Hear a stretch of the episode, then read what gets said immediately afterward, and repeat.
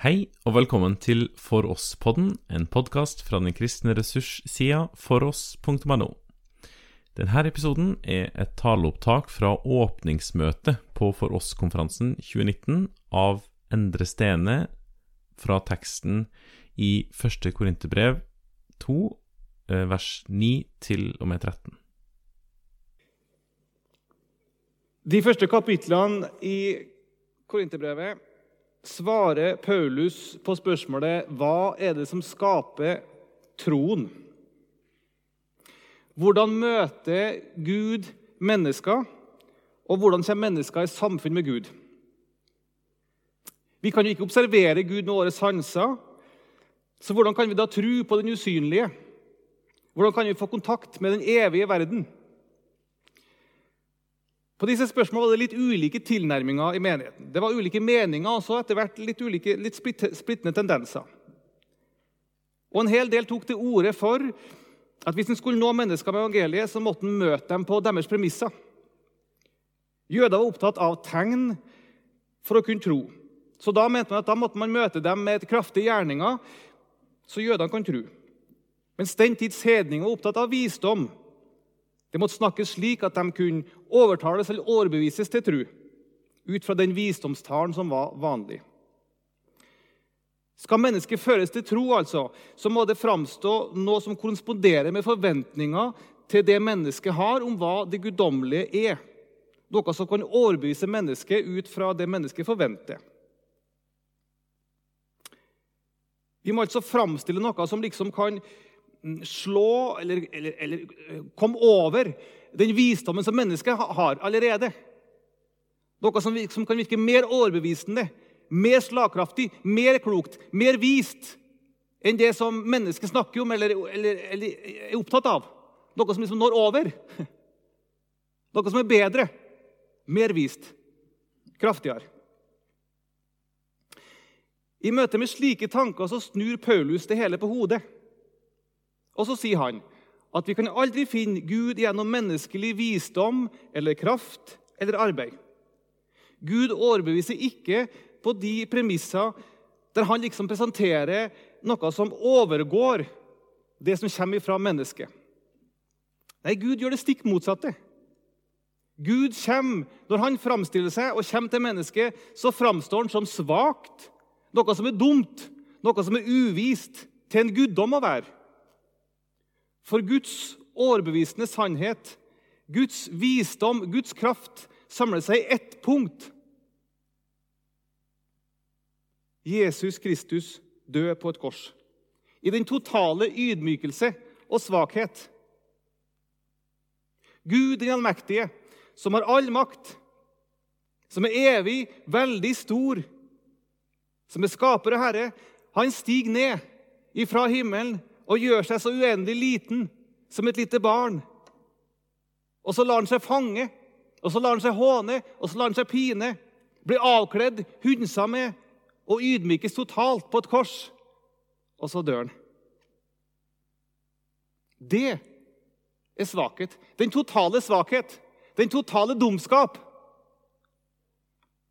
Det er idioti at guddommen lar seg herje med. Fullstendig av sin skapning. Men slik er det Gud kommer til oss. Slik er det Gud når inn til oss. For i dette viser han oss at han er kjærlighet. For den sanne kjærlighet gjør seg sårbar for den han elsker. Den sanne kjærlighet lar seg ydmyke for å vinne hjertet til den han elsker. Den sanne kjærlighet gir seg sjøl for den han elsker. Og Her gjør den treenige Gud seg liten for å vinne ditt og mitt hjerte.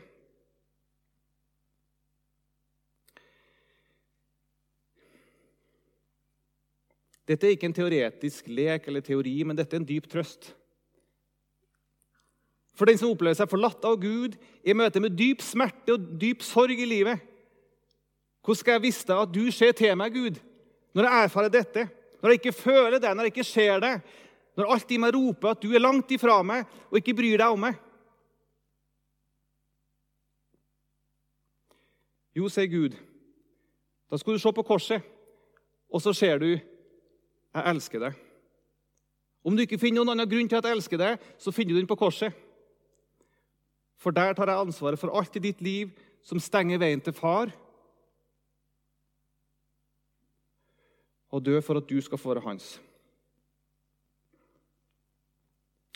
Gud viser seg jo så uendelig svak på korset. Han viser seg som en tåpe som lar seg fange og korsfeste. Men det som umiddelbart ser dumt ut i menneskets øye, det er Guds styrke og Guds visdom.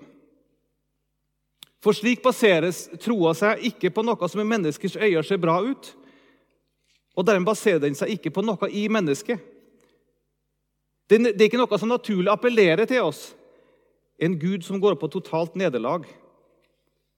Men slik vil trua måtte basere seg på Gud alene, slik han framstår for oss. I kapittel 2, Dette er kapittel 1. Og I kapittel 2 i 1. Korinterbrev så bruker Paulus seg sjøl som eksempel. Og så sier han når jeg kom til dere, så kom jeg ikke som en som var flink til å tale, eller hadde stor menneskelig visdom å komme med. Han framsto ikke slik at de begynte å tro på Gud fordi det var noe ved han sjøl. Tvert imot, sier, sa Paulus, sier Paulus, så kommer jeg til dere som svak og redd og skjelvende. Jeg syns det er nydelig at han sier det. Syns ikke du? Han framstår så bunnløst menneskelig. Han sier at han er svak, redd og skjelvende. Han kommer ikke i egen kraft, egen posisjon. For trua på Gud skulle skapes ikke av noe som var hos han, men bare på Guds kraft. Og derfor Når han forkynte, sier han det som, det som han holdt fram som det som skulle skape tro, var det som alt står og faller på. Jesus Kristus og han korsfesta.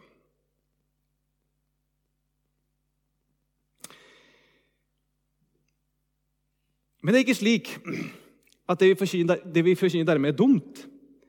At vi ikke kan bryte tanken vår på det, fornuften vår. Nei, sier Paulus. Det vi forkynner som, som ser dumt ut, tåpelig ut, idioti, sier Paulus, det er en visdom. Det er en visdom for de modne, sier Paulus. Men denne visdommen, den er dyp. Paulus sier at det er som en hemmelighet taler vi Guds visdom. 2011-oversettelsen bruker ordet mysterium. Vi snakker altså om et mysterium, en dyp visdom. Da jeg gikk og leste det her eh, i går eh, hjemme i Trøndelag, leste teksten, så var det som jeg liksom fikk fikk opp øynene. Jeg gikk der ute i, jeg liker å gå og lese ofte. Og når jeg gikk der og leste, så liksom, jeg så på skogen og på, og på de trønderske liksom, um, Ja, det er ikke fjell i Trøndelag, da, i hvert fall ikke det, men sånn hauger. Og så leste han denne dype visdom, denne hemmelighet, dette mysterium. Og så var det som alt sammen plutselig fikk en ny glans over seg. Som det var en hemmelighet her som prega liksom fjellene og skogen. og Som det var en dyp visdom her som prega liksom hele eksistensen som prega mitt blikk på de, på de trærne her, på fjellene og haugene og husene. Den visdom her, den hemmelighet her. Det er noe skjult her som preger alt. Og så gikk tankene mine til sånne, sånne fantasyfilmer. Ja, jeg er ikke sånn ekstremt på det, men jeg har noen sønner som har lest ganske mye av det her. Og etter hvert så ser man jo film da, sammen med dem. da. Så jeg har sett liksom ganske mye av det her.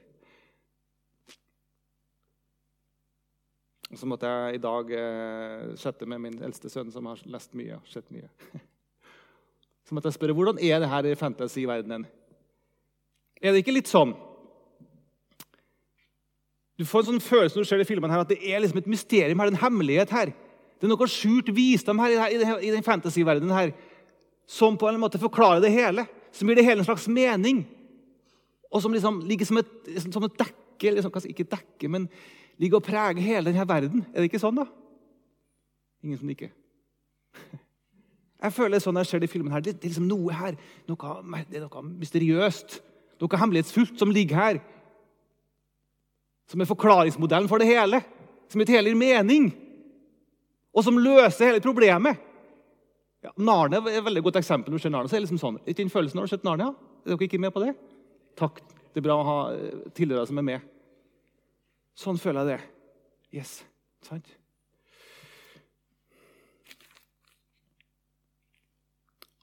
Og så fikk jeg akkurat den samme følelsen da jeg gikk der og leste. Jeg tenkte, Oi, det er jo sånn det er i denne verden også. Det er som det er en visdom her, en dyp, dyp visdom, en hemmelighet, et, et mysterium.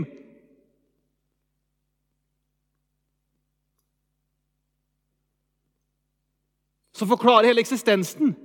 Som løser alt sammen, som gjør, alt sammen, som gjør at alt sammen går opp.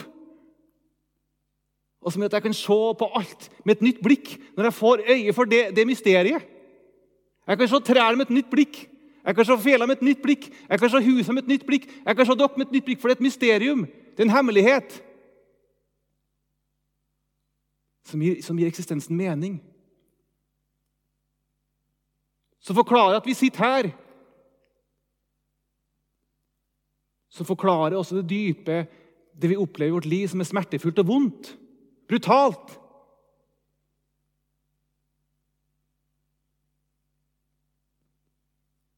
Og som fører oss til Gud. Et mysterium, en hemmelighet.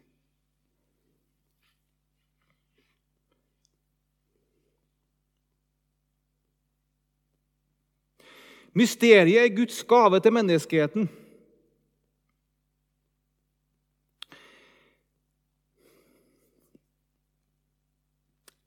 Når Paulus skrev det her, så var det mange sånne mysteriereligioner.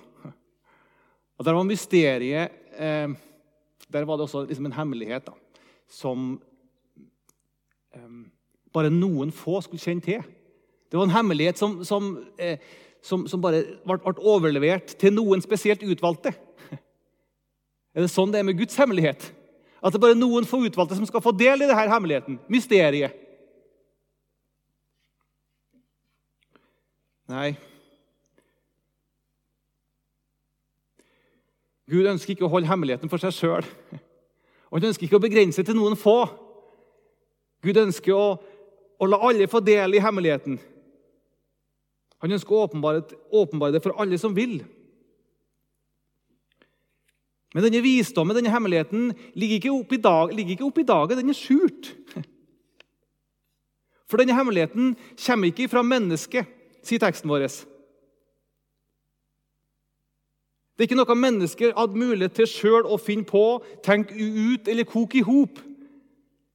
Ikke noe mennesker kunne forutse at dette kom, for ingen har hørt det før eller sett det på forhånd.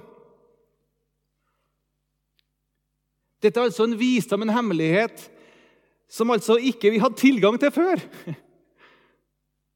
Og den kommer ikke flytende lufta imot oss, eller vi kan tenke oss fram til den, eller høre oss fram til den ut fra egen evne. Nei, det er en hemmelighet, et mysterium, som må tilføres oss utafra. Og det er en visdom som må gis oss gjennom det som står skrevet.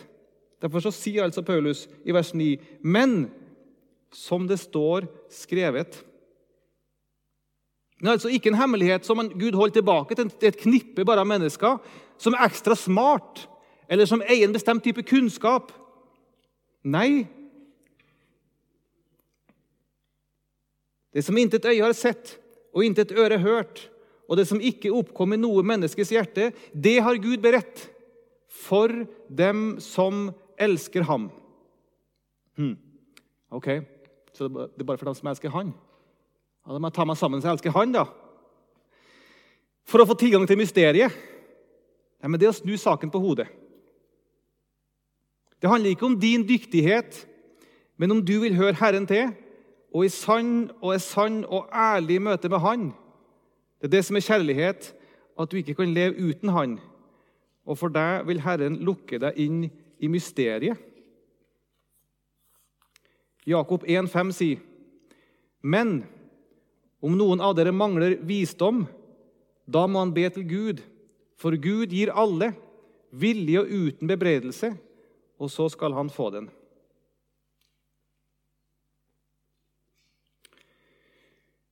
Gud vil så inderlig åpne opp for visdommen til alle.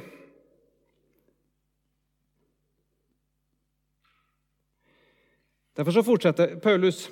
Men for oss har Gud åpenbart det ved sin ånd.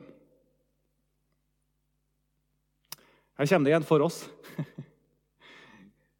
Men for oss Har du lagt merke til hvor mye det står 'for oss' egentlig i Bibelen?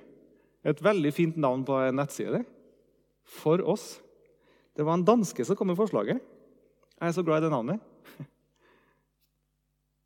Navnet peker inn til Guds hjerte, som i alt han gjør, så gjør han det med sitt hjerte retta imot oss. Gud gjør alt for oss. Han gir sin sønn for oss, og han åpner opp hemmeligheten, mysteriet, for oss. I verset her så er ordet 'oss' vektlagt på gresk. For 'oss' kommer først i setningen. Det er som han stråler når Paulus skriver det her. Ikke i sånn hovmodig stolthet med at den sier ja, så her, Gud åpenbart det for oss. Men det er som jeg hører en sånn barnlig glede og takknemlighet. Vi har fått sett den hemmeligheten. Vi har fått del i mysteriet. Og det, det, minner meg litt om når jeg en gang var på en sånn liten tur i Kenya. og Så kjørte vi ut til Uganda. Eh, og så eh, var vi inne i ei lita kirke der, eh, laga av bølgeblekk. Var vi med på en liten gudstjeneste. Dette var mennesker som helt nylig har fått del i Guds ord. Helt nylig hørt evangeliet. Og så var det så herlig. Det gikk fram ei ung kvinne med, med, et barn på ryggen. Og så stråla hun sånn. Og så sa hun, 'Tenk så stort at Gud har kommet hit, hvor jeg bor.' Her, hvor jeg bor. Sånn barnlig glede. Tenk at Gud er kommet hit, til meg. Jeg har fått mysteriet, hemmeligheten. Og alt her i Uganda i det var paddeflatt. Mye støv. Her så kunne hun, hun se sin virkelighet med et nytt blikk. Og sett mysteriet, hemmeligheten, den dype visdom.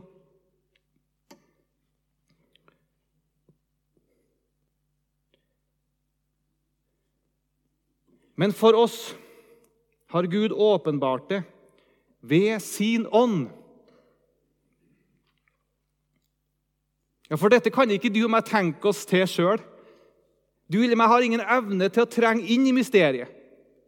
Vi har heller ikke evne til å dele det slik at andre ser inn i det, men Ånden kan åpenbare det, slik at det, blir, det som ikke er synlig, blir synlig. Ja, når jeg skal forklare ordet 'åpenbare' for konfirmantene, så har jeg pleid å ta noe tilfeldig jeg har, og så bare kaster jeg det over. For her da, Hvis jeg har hatt noe her, så har jeg tatt den her, så har jeg kasta et plagg. Og så har jeg sagt at vet dere hva, nå later vi som vi står på torget i en by. pleier jeg å si da. Og så er det en kunstner som laga et, et, et, kunstverk. Og så ligger det et teppe over hele kunstverket. Det står her, men det er ingen som ser det, sier jeg. Og så kommer den store dagen der kunstverket skal åpenbares. Og så drar vi av teppet, og så ser vi kunstverket. Ja, sånn var det, ja. Hvor ser vi det? Det er å åpenbare, pleier jeg å si da. Det er skjult. Det vises ikke. Det er her, men det må åpenbares. Og så er det mysteriet. Det er her. Det er, det er hele tida. Det er like sant som at vi sitter her. Men vi ser det ikke hvis ikke Gud åpenbarer det ved sin ånd, og vi ser det. Og vi ser alt med, nytt, med nye øyne, med et nytt blikk.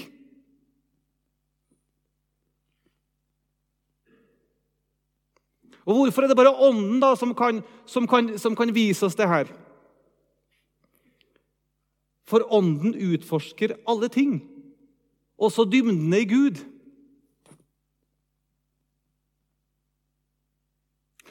Har du greie på hva som bor i meg? For hvem blant menneskene vet hva som bor i et menneske uten menneskets egen ånd, som er i ham? Vi har et ordtak på seg selv kjenner man andre. Er det sant? Jeg har kommet til at ordtaket er mer usant enn sant. Jeg tror ikke noe på det lenger.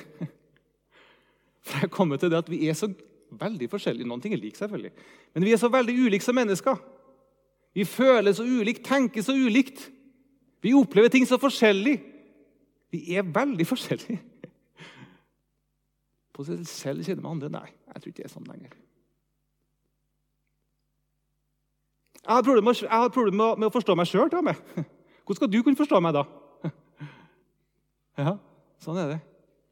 Men det er problemer med å forstå deg og endre mindre forstå et annet menneske. For da kan jeg da forstå Gud, hans dybder.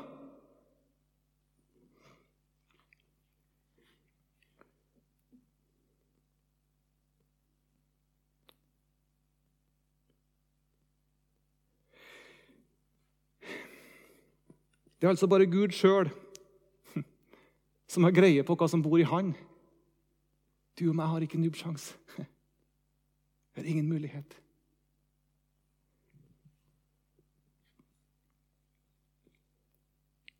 Men Ånden utforsker alle ting, også dybdene i Gud.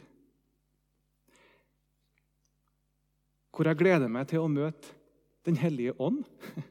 Har du tenkt det noen gang?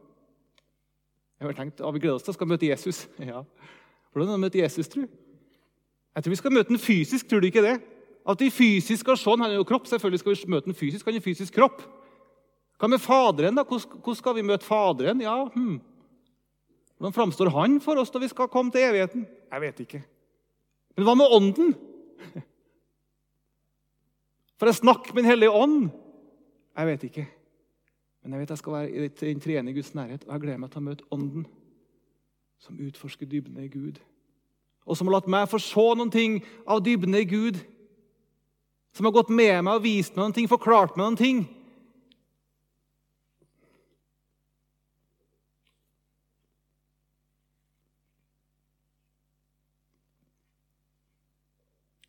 Dybdene i Gud. Er det ikke et nydelig uttrykk?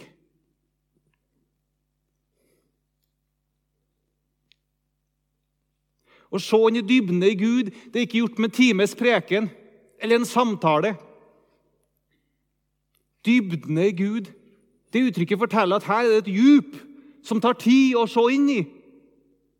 Ikke et menneskeliv engang er langt nok.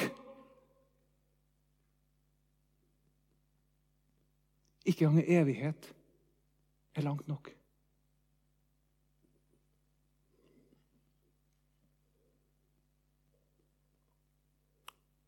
Rombrevet 11,33.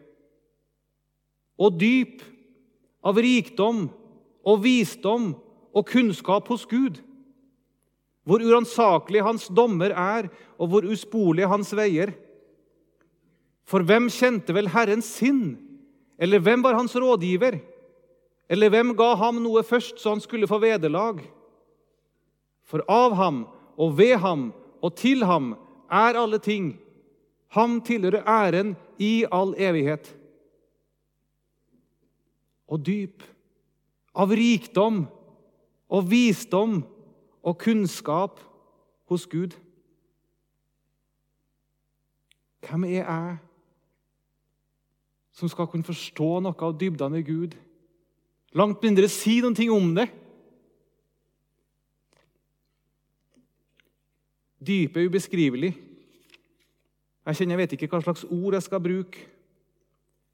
Men jeg syns én sang beskriver litt av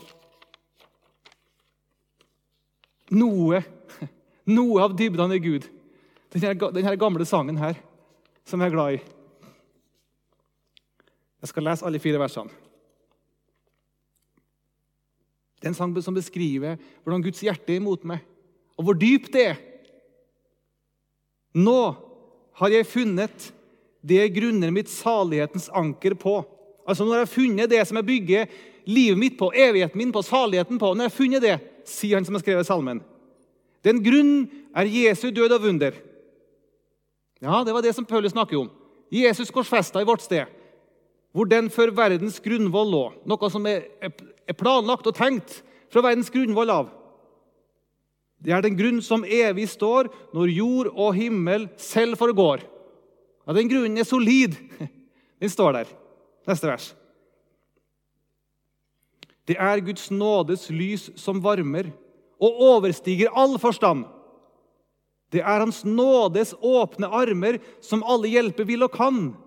Hans lengsel etter alle står, skjønt mange aldri til ham går. Ja, det er den grunn jeg står på. Det er Guds åpne armer som er vennlige mot meg. For Jesu Kristi skyld. Som favner meg, som lengter etter meg, som varmer meg. Neste vers. Og så kommer det. Og avgrunnsdyp. Her snakker vi om et dyp igjen. Et dyp i Gud. Det er en avgrunn. En avgrunn er farlig, ikke det? En avgrunn er vi redd for. Tenk å falle i en avgrunn. Da har vi tapt. Her er en avgrunn som er i, Gud. Hva slags avgrunn er det her? En og avgrunnsdyp som alle synder har slukt ved Jesu Kristi død. Wow! Det var litt av avgrunn, det. En avgrunn der all min synd bare slukt, forsvunnet i. Som bot og bedring oss forkynner og byr oss nåde i vår nød. Her roper Jesu blod og sved barmhjertighet, barmhjertighet. Er ikke dette en helt nydelig vers? Den avgrunnen, altså avgrunnsdypet som er i Gud, hva, hva, er det fylt av? Det er fylt av barmhjertighet. På grunn av Jesu Kristi død for min synd så er Guds hjerte fylt av barmhjertighet. Det er nåde hos Gud. Det er vennlighet. Neste vers. I dette dyp vil jeg meg senke og drukne all min nød og ved. Når mine synder vil meg krenke, da vil jeg til Guds hjerte se. Der ser jeg i en avgrunn ned av grenseløs barmhjertighet. Når jeg blir anklaga og kjenner meg fordømt eller er usikker på, Guds kjærlighet imot meg, når jeg er redd og frykt som fordi verden har imot meg, hva gjør jeg for noen ting da? Da ser jeg inn i Guds hjerte. Inn i, inn i dypet. Inn i dypet i Gud. Og hva skjer her for noen ting da? Jeg ser en avgrunn ned av grenseløs barmhjertighet.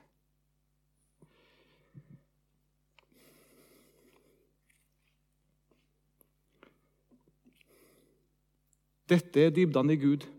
Dette er mysteriet. Hvordan Gud behandler meg, ikke etter, etter den jeg er eller har fortjent, men hvordan han behandler meg etter det som Jesus Kristus er og har gjort i mitt sted. Det er det Paulus snakker om her. Det er det det hele handler om. Det er det som er sentrum. Det er det som er saken. Hvordan Gud er barmhjertig og mild imot meg for Jesu Kristi skyld.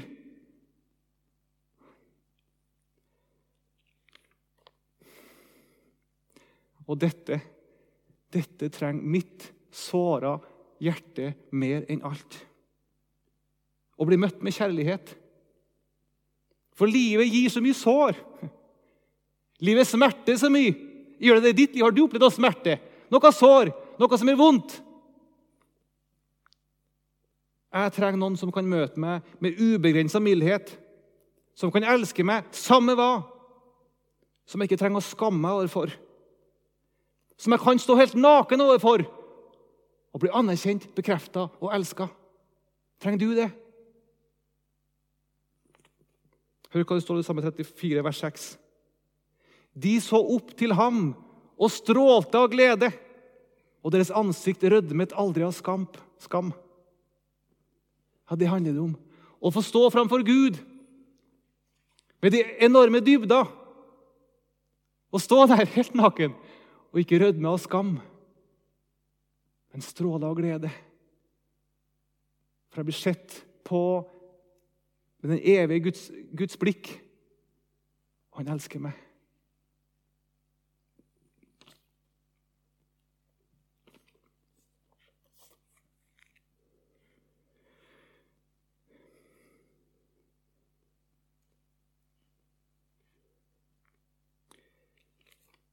Til dette har Gud gitt oss sin ånd. Hvis det ikke var for ånden, så betydde ikke Guds gave for oss mer enn en gryte full en, en, gryte med gull for en elefant. Det leste jeg en, en kommentar her. Jeg synes det var godt sagt. Hvis ikke ånden åpenbart det for oss, så betyr ikke dette noe mer enn en gryte gull for en elefant. Det er jo ikke interessant i det hele tatt. Hvis ikke ånden åpenbarer det for oss og viser det for oss.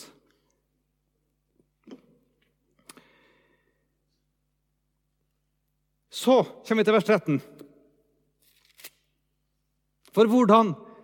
Hvilke språk skal vi da bruke om Gud? Hvordan skal vi da snakke om Gud? Hvordan skal vi da dele det her? Hvordan skal vi snakke om det her mysteriet? Hemmeligheten? Jo, og dette forkynner vi med ord som menneskelig, ikke med ord som menneskelig visdom har lært oss, men med ord vi har lært av Ånden. Vi tolker åndelige ting med åndelige ord. Vi bruker ord Gud kan, men Gud kan ikke rommes i våre ord. Gud kan ikke begrenses av våre begrep. Og jeg kjenner skal jeg så ærlig å si en ting, jeg kjenner et stadig større ubehag. Ofte kjenner jeg det. Et stadig større ubehag om måten vi snakker om tro på. Ofte tenker jeg at vi begrenser Gud i måten vi snakker om Gud på. Snakker om tro på. Den refleksjonen har gjort meg mer og mer.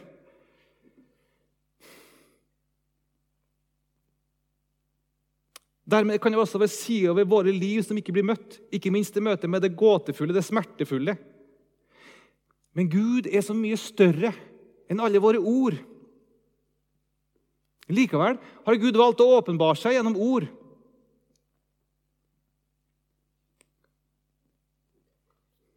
Gjennom ord. Og når vi nå skal gjenfortelle og Gud har valgt her i, Guds ord å åpenbare seg for oss i ord. Og når vi skal gjenfortelle de her ordene, så trenger vi Ånden. Så vi gjenforteller det på en måte som ikke begrenser Gud, men som lukker oss inn i Guds dybder. Selv om våre ord egentlig aldri kan romme Guds dybder, men de kan gi oss et lite glimt av Guds dybder. Og til det trenger vi Den hellige ånd. Og vi trenger at våre ord er fylt av noe mer enn ordene i seg sjøl. Paulus snakker ikke om at vi bare skal bruke kanons språk, liksom det spesielle bibelspråket. Nei, det må være noe mer enn ordene i seg sjøl. Det må være noe mellom ordene som er fylt av Den hellige ånd, og som gjør at vi ser dybdene, ser Gud. Det hjelper ikke bare å si de korrekte tingene, altså, riktige ting. Vi trenger Guds ånd.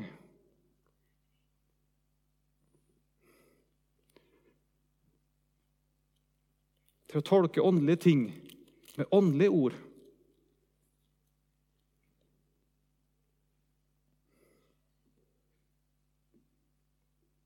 Og vi trenger det, og be om det. At vi i vår tid ja, Nå har vi en enorm debatt dere har fulgt med på debatten de siste dagene med Espen Ottosen. og Det er mye som foregår på nett. Det er, mye, det, er mye, det, er mye, det, er mye, press. Det er mye som vil liksom pakke oss bort i vår tid. Hva skal vi gjøre? Hvor skal vi gå hen? Vi trenger Guds ånd. Så vi sjøl kan se mysteriet, og så vi kan dele det her til mennesker.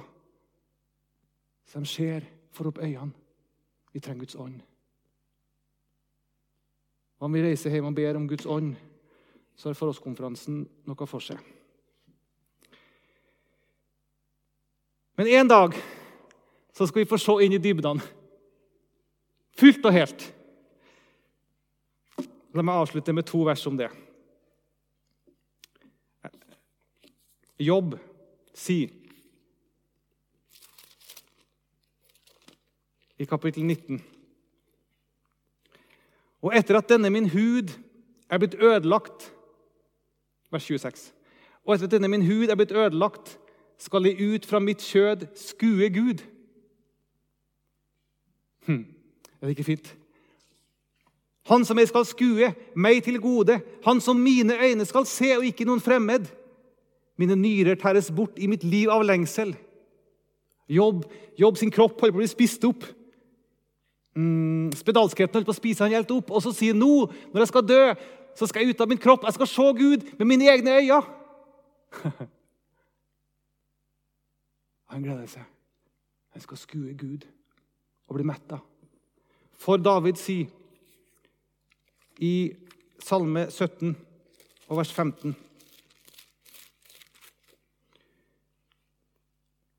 Jeg skal i rettferdighet få se ditt ansikt. Når jeg våkner, skal jeg mettes ved synet av din skikkelse. Da skal jeg mettes. Da skal jeg bli tilfredsstilt, sier David. Da skal jeg se inn i dybden, da skal jeg se inn i deg, Gud. Inn i Guds dybder, inn i mysteriet. Jeg skal se det. Jeg skal se, se, se i all evighet. Jeg skal bli mett.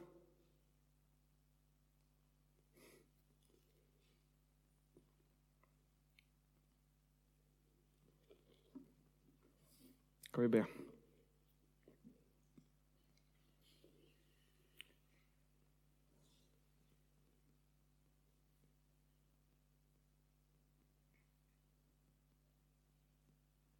Herre Gud, himmelske Far, takk for mysteriet.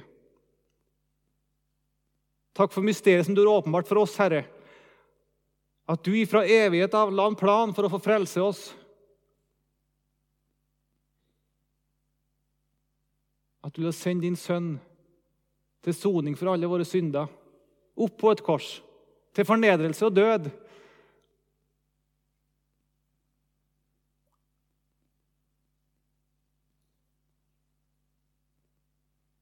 Herre Gud og himmelske Far. Takk for at du har gitt oss Ånden. Takk for at du har gitt oss ditt ord. Takk for at vi får lese det og høre.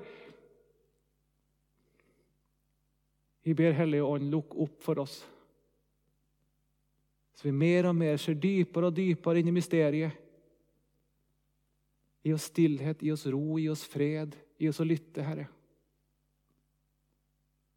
Og gi oss å tale når du vil. Kom du, Herre. Amen. Du har nå hørt et taleopptak fra åpningsmøtet på For oss-konferansen 2019 av Endre Stene. Finn flere ressurser, og vær gjerne med å støtte oss på foross.no.